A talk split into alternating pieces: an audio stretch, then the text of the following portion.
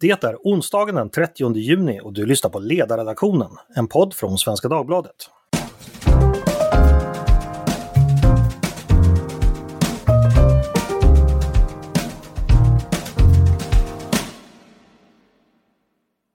Sverige är på jakt efter en regering. Stefan Löfven avgick som statsminister i förrgår och nu är det talman Andreas Norléns uppgift att hitta och föreslå en ny kandidat som kan få riksdagens förtroende. Precis som förra gången efter valet 2018 är fikaträffarna i full gång och det är moderatledaren Ulf Kristersson som verkar bli den första kandidaten att få pröva lyckan. Men hur går det egentligen till i praktiken när en ny regering kommer till? Vad sker bakom kulisserna?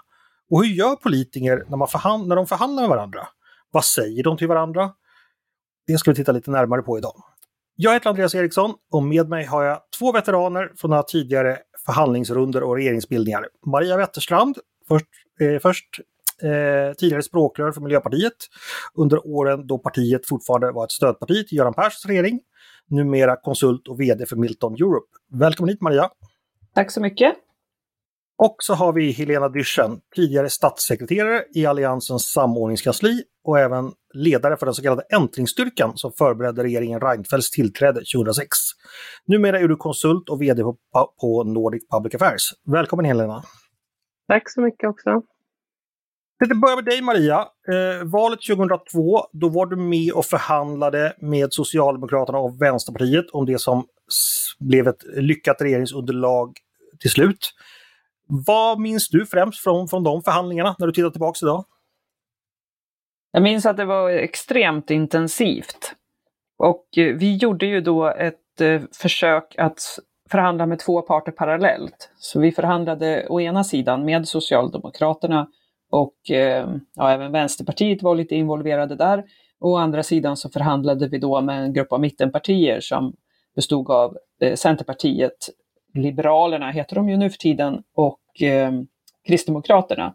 Där då Liberalernas Lars Leijonborg var den ledande figuren. De hade gjort ett strålande val då strax innan. Just det, han var ju lejonkungen på den tiden. Visste Exakt. de här olika parterna om varandra, så att säga? Att Absolut, det var ju en sidor, eh, del av poängen. Ja, det var och kunna spela ut dem mot varandra, så att säga. Ja, alltså vi...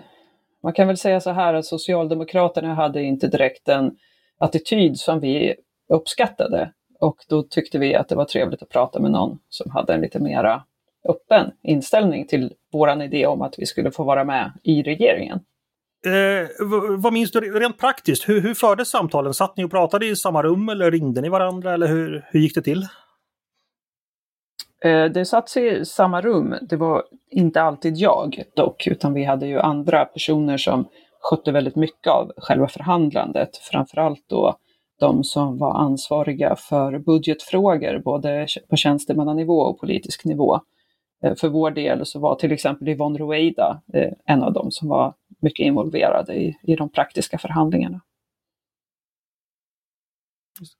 Men när du säger förhandlingar, för mig som inte är i politiken, det, där, det låter så främmande. Vad är en förhandling? Vad säger man rent praktiskt till varandra när man förhandlar? Säger man jag föreslår A, kan du gå med på det? Är det så man säger, eller hur, hur uttrycker man sig?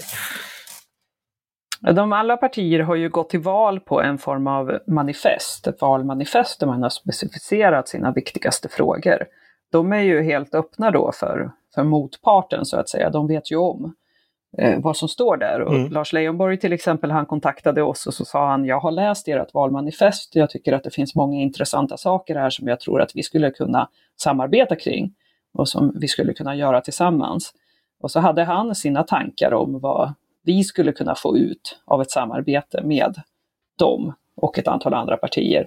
Och så är det ju då den som är den ledande parten i förhandlingar som försöker få ihop de här olika intressena med varandra genom att komma med initiativ eller förslag. Men initiativ och förslag kan ju även komma från eh, de deltagande parterna så att säga, där man tydliggör då vilka frågor man tycker är de viktigaste och vad man vill ha med i ett sånt här program.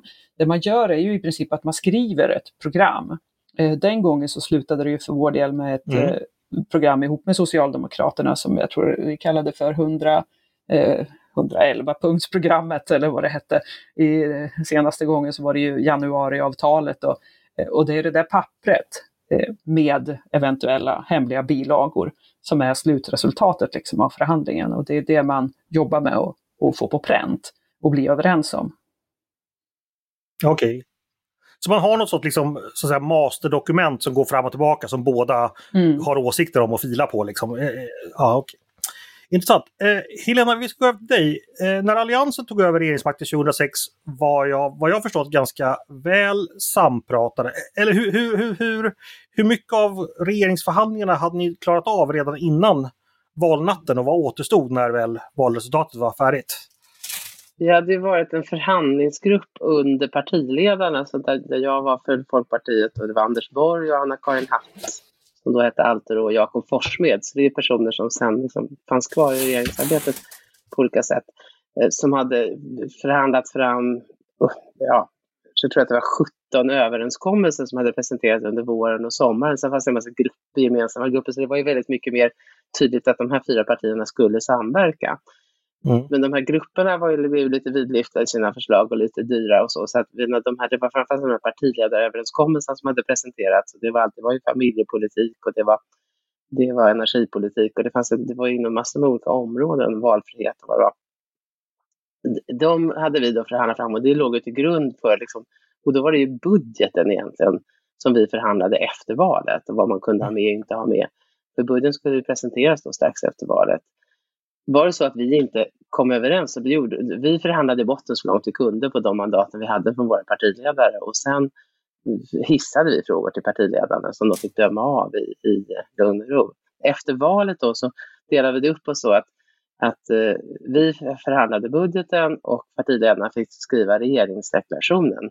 Och så fick Jakob Forssmed, stackaren, vara sekreterare åt partiledarna som skrev regeringsdeklarationen. Så på lunchen fick han gå och sitta med partiledarna. De vill ju tvätta lite fortare partiledare, så de kunde inte hålla på så länge som vi andra gjorde. Ja, just det. Så det, tänkte... det, det, vi var ju väldigt på det sättet förberedda, men då ställer man ju också högre krav på att komma överens i ännu mer detaljer. Så att liksom den, det är både för och nackdelar att vara så väl förberedda som vi var.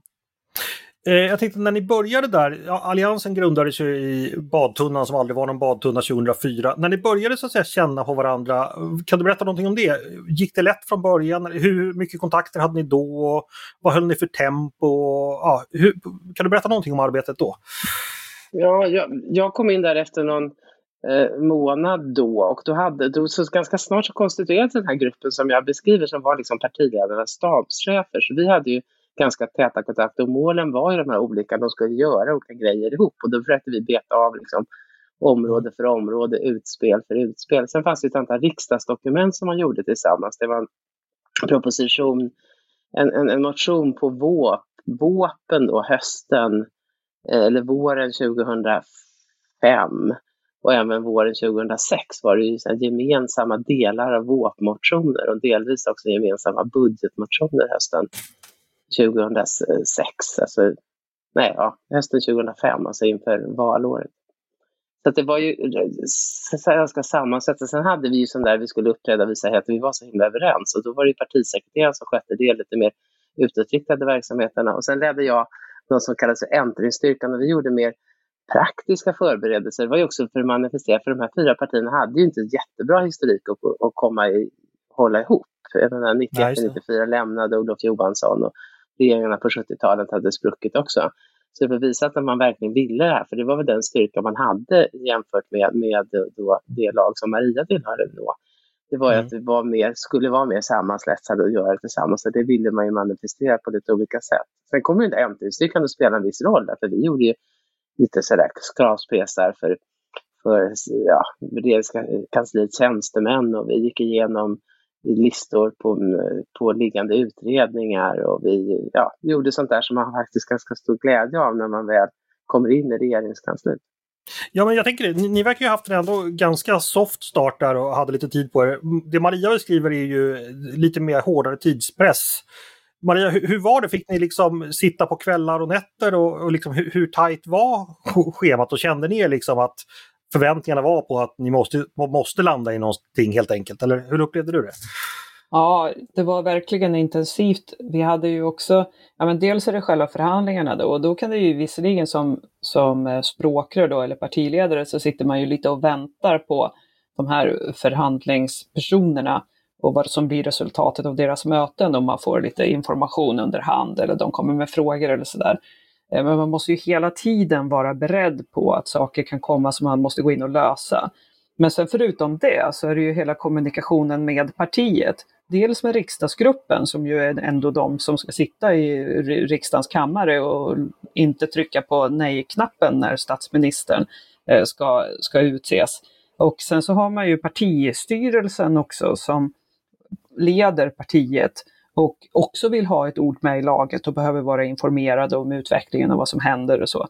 så eh, och sen vid något tillfälle hade vi, tror jag, även något ytterligare lite större möte eh, med ännu fler partirepresentanter för att informera. Så att det är mycket sådant arbete också som behöver göras för att alla internt ska vara med på banan och kunna stå för det slutresultatet som sen blir. Så det inte leder till jättestora interna konflikter eller en splittrad riksdagsgrupp eller problem som sen manifesterar sig under perioden efteråt. Liksom. Så att det var mycket sånt också som vi ägnade tid åt. Helena, hur upplevde du det, alltså relationen med parti, eh, partiet bakom, partistyrelse och även medlemmar antar jag och, och riksdagsgrupp. Hur, hur gick, det, gick det, den relationen på din tid? Ja, det fanns ju det, liksom ett antal, hade, som jag sa så hade det funnits ar, gemensamma arbetsgrupper som hade kommit ganska långt och tagit fram rätt mycket förslag som ofta var lite för dyra och lite för svåra att genomföra. Men det är lätt att enas om man tror att man har hur mycket pengar som helst. Och de var ju vi tvungna att pruta ner då hela tiden. Och det var ju så att de näringspolitiska talesmännen tror jag i alla partier var besvikna och tyckte att partiledarna svek dem. Att man inte gick. man var ju överens i sak men man liksom var tvungen att pruta bort. Sen var det ju en, en strid då mellan framförallt Moderaterna som ju var mer angelägna, ni kommer ihåg de fina jobbskatteavdragen som sen blev ganska många, de var ju väldigt angelägna om en väldigt rejäl liksom, skattesänkning initialt 2006 och det mm. var ju inte partiet jag företrädde inte riktigt lika intresserad av. Så där blev det ju liksom kritik internt för att man gick med på för mycket skattesänkningar, vilket ju ledde till en, också krav på finansiering av dem som ju blev då lite kanske mer, mer långtgående vad gäller försämringar i ersättningssystemen som vad, vad ledamöterna riktigt var beredda på. Mm. Just det. Jag tänkte återvända till eh, förhandlingar rent praktiskt. Maria, du nämnde att eh, du, du som språkrör fick sitta och vänta på vad, vad förhandlarna kom fram till. Är det så att partier har så att säga, speciella förhandlare som kanske inte behöver vara partiledare eller partisekreterare utan någon annan som kanske ja, lämpar sig bäst för uppgiften helt enkelt? Eller, eller hur brukar det se ut? Vad är, mm. vad är erfarenhet? Så är det oftast att man har en eller några personer och sen ett par tjänstemän kopplade till dem som sitter och gör större delen av förhandlingsarbetet. Men sen är det precis som Helena nämnde tidigare här att ibland så måste frågor lyftas till en högre nivå. Antingen för att de är för svårlösta eh, och kräver att någon, någon annan löser dem för de har låst sig liksom i förhandlingsgruppen.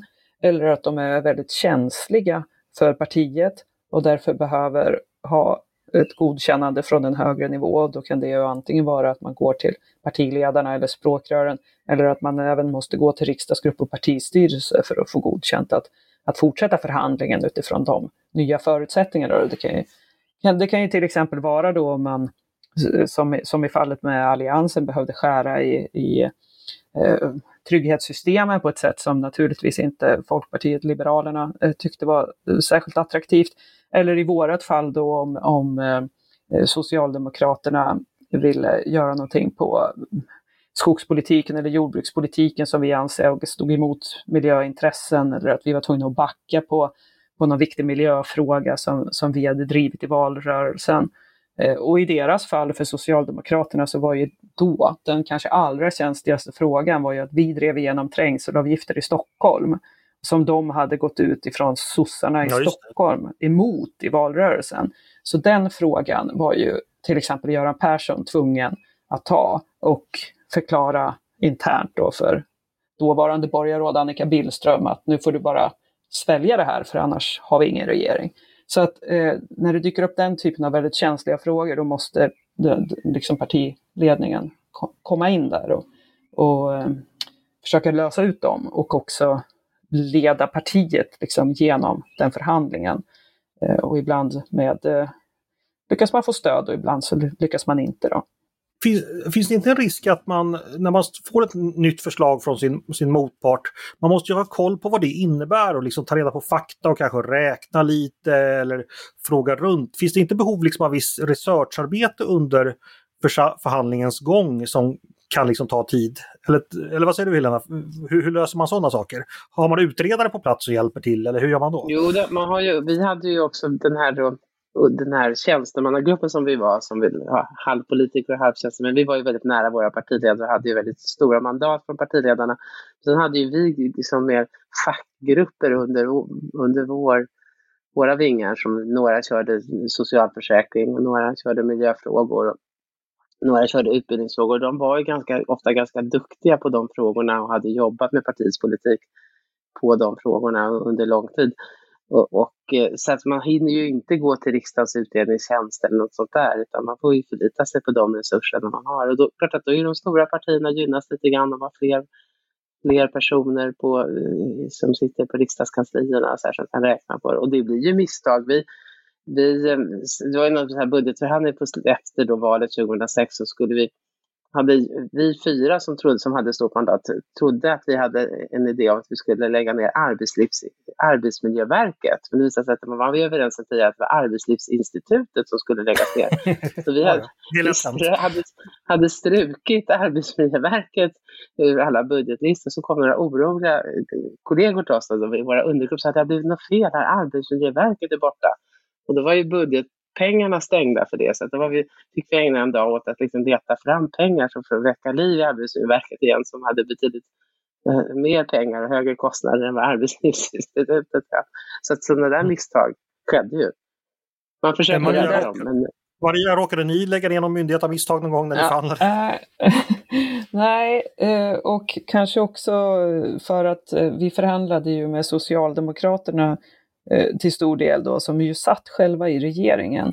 Och det måste jag säga att just den här frågan om att man ska ha underlag för de förslag som man, som man lägger fram, där har ju ett parti som sitter på alla min, liksom departement och hela den apparaten en enorm fördel i förhandlingarna. Det är oerhört svårt att som ett parti utanför regeringen eh, komma med nya förslag som inte det finns några statliga utredningar på eller någonting sånt som man kan använda som grund. Man lyckas ju ibland driva igenom sånt, men det som händer då, det är ju att de måste utredas efter att regeringssamarbetet har påbörjats redan.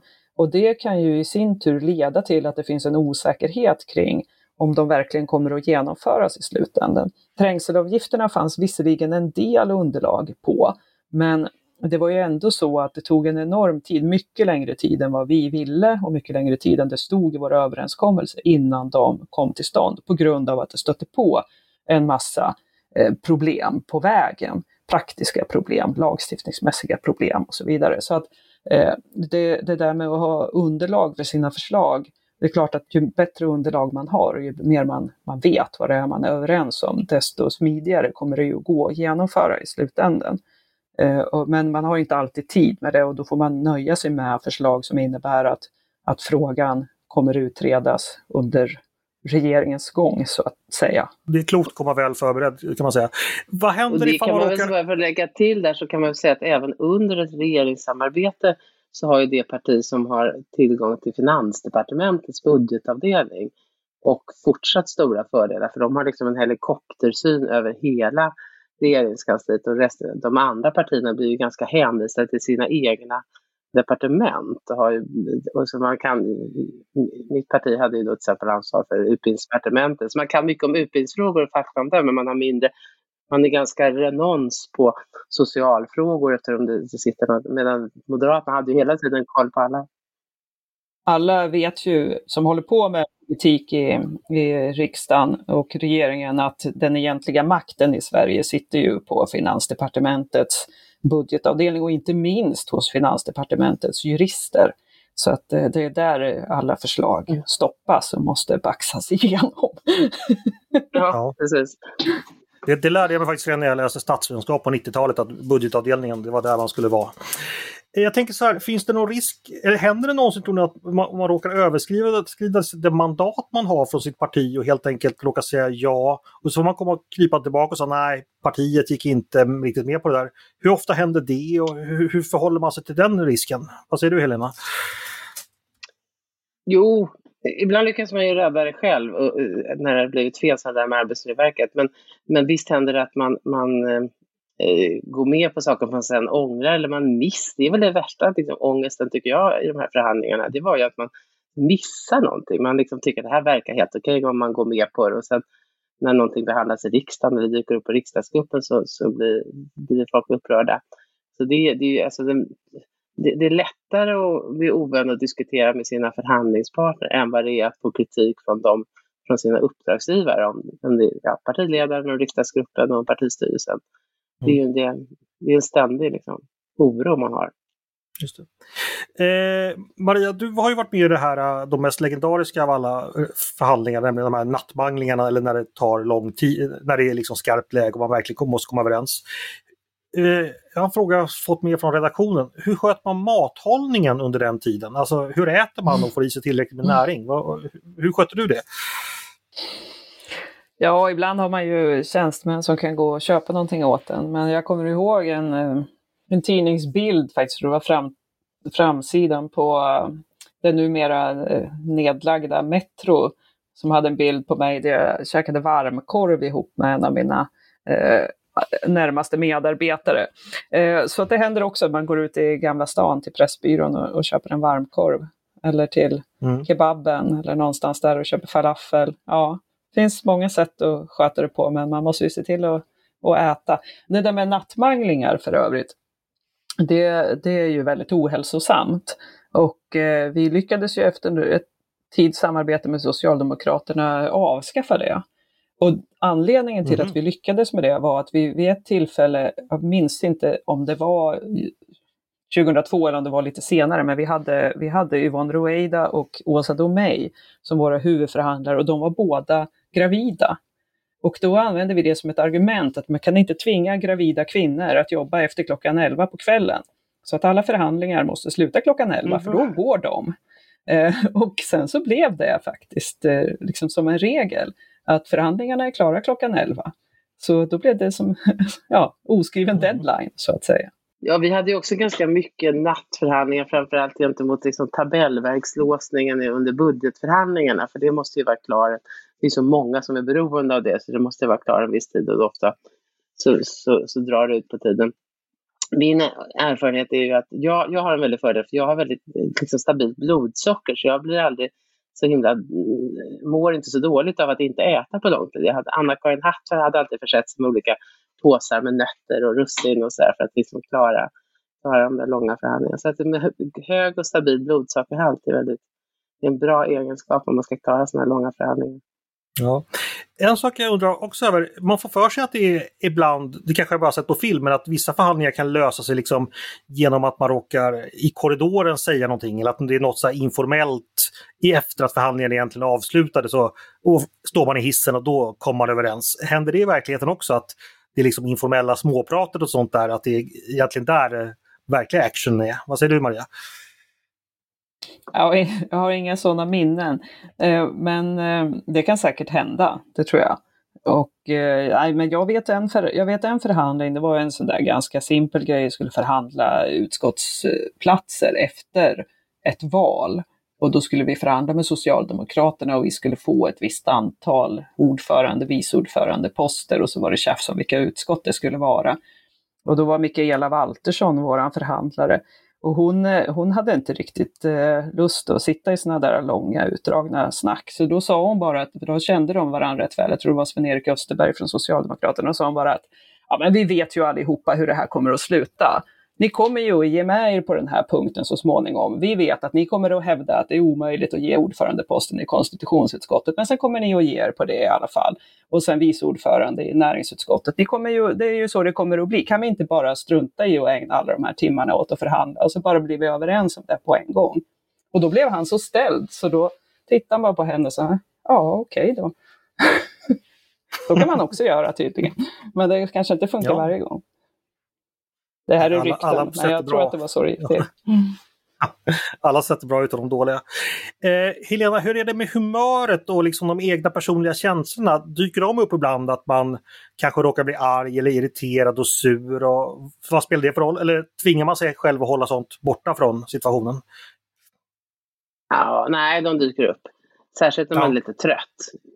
Särskilt i den här, vi var ju sen samordnade statssekreterare och höll ju på de där, jag var inte med i alla åtta år, men nästan. Och det kastades pennor och slogs i dörrar och absolut. Okay, Sen var, det... vi var ju vänner så man ber varandra ett ursäkt men man blir ju, man, det finns ju gränser för alla och de träds över ibland. Okej, okay. men, men det, det, accepterar, det tycker folk ändå är okej att man ibland är lite mänsklig så att säga? Att... Absolut. Jo, men det är klart att man, jo, klart man är, men man, blir ju, man kan ju bli liksom förolämpad på sin partis, åt sitt partis vägnar när något, något parti liksom står på sig på någon fråga som man tycker är avklarad. Och, och är man då tillräckligt lite utmattad så, så kan det leda till alla möjliga saker. Mm. Maria, kastar du pennor eller har du gjort något liknande? Ja, har, har, du kastat saker omkring dig eller hur, hur hanterar du frustrationen? Ja, nej men jag minns det som en konstant frustration att vara i samarbete med Socialdemokraterna den där mandatperioden 2002 till 2006. Vi, tyckte, vi satt ju inte själva i regeringen då. De hade ju en enorm fördel. Vi hade ett antal tjänstemän i regeringskansliet men vi var liksom inte riktigt på jämbördig fot. Och vi kände hela tiden att våra saker blev förhalade och det var för långsamma processer. Och de, varje gång de la fram ett eget förslag så hade de bara råkat glömma våra frågor och så fick vi bråka in dem igen och det var lite sådana där grejer hela tiden. Så det var, ja, men det var en konstant irritation eh, kan man säga. Vi, sen jobbade vi på våra inbördes relationer faktiskt eh, inför inför 2006 års val som vi ju tyvärr då förlorade, då hade vi ändå förbättrat våra relationer avsevärt genom att tillsätta ett antal arbetsgrupper och, och lära känna varandra så att säga, så att vi skulle ha bättre förståelse och inte eh, inte vara som två motparter i en eh, facklig förhandling, liksom arbetsgivare och arbetstagare, liksom, som man kan förstå går i luven på varandra om olika saker. Det är inte meningen att det ska vara så i, i ett eh, politiskt samarbete där man ska styra ett land gemensamt och göra budgetar och så vidare. Så att, eh, ja, okay. det, det blev bättre med tiden, men det var, det var ganska mycket frustration på vägen kan jag säga. Ni tog inte in någon sån konsult som körde tillitsövningar och lite så här samarbetslekar och lägga pussel Nej. tillsammans? Och Nej, det kanske hade varit bra. Ja, nej, jag vet inte, ja, kanske. Hörde, jag tänkte vi ska prata lite kort, vår tid närmar sig slut, men vi ska prata lite kort om det som sker i riksdagen just nu. Eh, nu igår var ju, var ju partiledarna hos talmannen och nu pågår det ju lite förhandlingar. Eh, jag får för mig att de här talmansfikarna och så här, det känns ganska närmast som en ritual som kanske mest är till för pressklipp och att det inte betyder så mycket och att när det väl smäller med verkliga förhandlingar då sker det på ett annat sätt. Eh, vad tror ni? Vad säger du Maria? Hur, hur, hur, vad, hur tror ni det kommer ske framöver här? Ja, nej, det är ju inte talmansrundorna som sådana som, som löser ut eh, några frågor eller, eller konflikter, utan det måste ju ske mellan partierna. Men det är ju talmannens ansvar i slutändan att ge eh, sonderingsrollen då till den ena eller den andra. Och därmed också möjligheten att kunna få stå som statsminister. Och det baseras ju på vad partierna eh, säger till, till vederbörande, honom eller henne, i, i samtalen, i det här fallet honom då. Så att eh, det, det är klart att viss formell roll men också praktisk roll har det ju. Men eh, i, i, i, praktiken så, så sker ju diskussionerna om sakfrågor och eh, verkliga regeringsalternativ någon helt annanstans. Ja, men jo, det är exakt den bilden jag har också. Sen har väl, det är ju framförallt det där, den frågan som Andreas Norén så löste ut igår, vem han ska föreslå, eller vem han ska ge uppdraget att sondera det, där är de här partiledarsamtalen har väl en, en viss betydelse. Men sen sakpolitiken och konstellationer, och eh, den som väljs accepteras av riksdagen liksom som statsminister ska ju också redovisa vilka partier han vill ska in, eller hen vill ska ingå i, i regeringen. Så att det, det måste ju ske bilateralt, mellan eller i grupp mellan partierna, utan talmannens närvaro. Ja, vår tid är snart ute. Eh, jag tänkte bara be er till sist eh, om eh, en liten prognos, och ifall ni vågar ge det. Hur kommer sommarens regeringssamtal, regeringskrisande att sluta och vad kommer bli, ja, vem kommer stå som statsminister när allting är över? Eh, vad säger du Maria, Har du, vågar du ge dig på en eh, att sia? Jag tror att det kommer att sluta med att Stefan Löfven är fortsatt statsminister av det enkla skälet att det inte finns majoritet i riksdagen för någonting annat. Jag tror också att viljan till extraval är eh, rätt svag hos många av riksdagens partier, så att eh, det, det är min gissning att det blir så. Och Helena, om du får gissa på, på samma fråga, vad säger du? Ja, jag, jag tror samma sak som Maria. Eh, dock så är jag väl, ser jag väl möjligtvis att det finns en risk för det extravalet som ingen vill ha, att det ändå äger rum om Annie Lööf och Nooshi Dadgostar inte lyckas hitta en formel för hur C och V ska kunna samverka. Det, I och med att Liberalerna har lämnat så behövs det ju, behövs det ju någon ändring jämfört med januariavtalet. Vi får se hur det går med det. Eh, därmed ska vi eh, börja avrunda för idag. Tack så mycket Helena Dyrssen för att du kom hit och berättade. Och tack Maria Wetterstrand för din medverkan. Tack så jättemycket. Då, innan vi avslutar, ska jag bara passa på att berätta att eh, just med anledning av regeringskrisen erbjuder vi dig som lyssnare ett prova på-erbjudande eh, som är två månader gratis av SvD Digital Standard. Ta del av det genom att gå in på svd.se podd så kan du alltså få två månader gratis av SVT Digital. Eh, det ni lyssnar på nu är Ledarredaktionen, en podd från Svenska Dagbladet. Varmt välkomna att höra av er till oss på redaktionen med tankar och synpunkter på det vi har diskuterat eller om ni har idéer och förslag på saker vi bör ta upp i framtiden. Maila då ledarsidan snabel svd.se. Dagens producent har varit Jesper Sandström. Själv heter jag Andreas Eriksson och jag hoppas att vi hörs igen snart.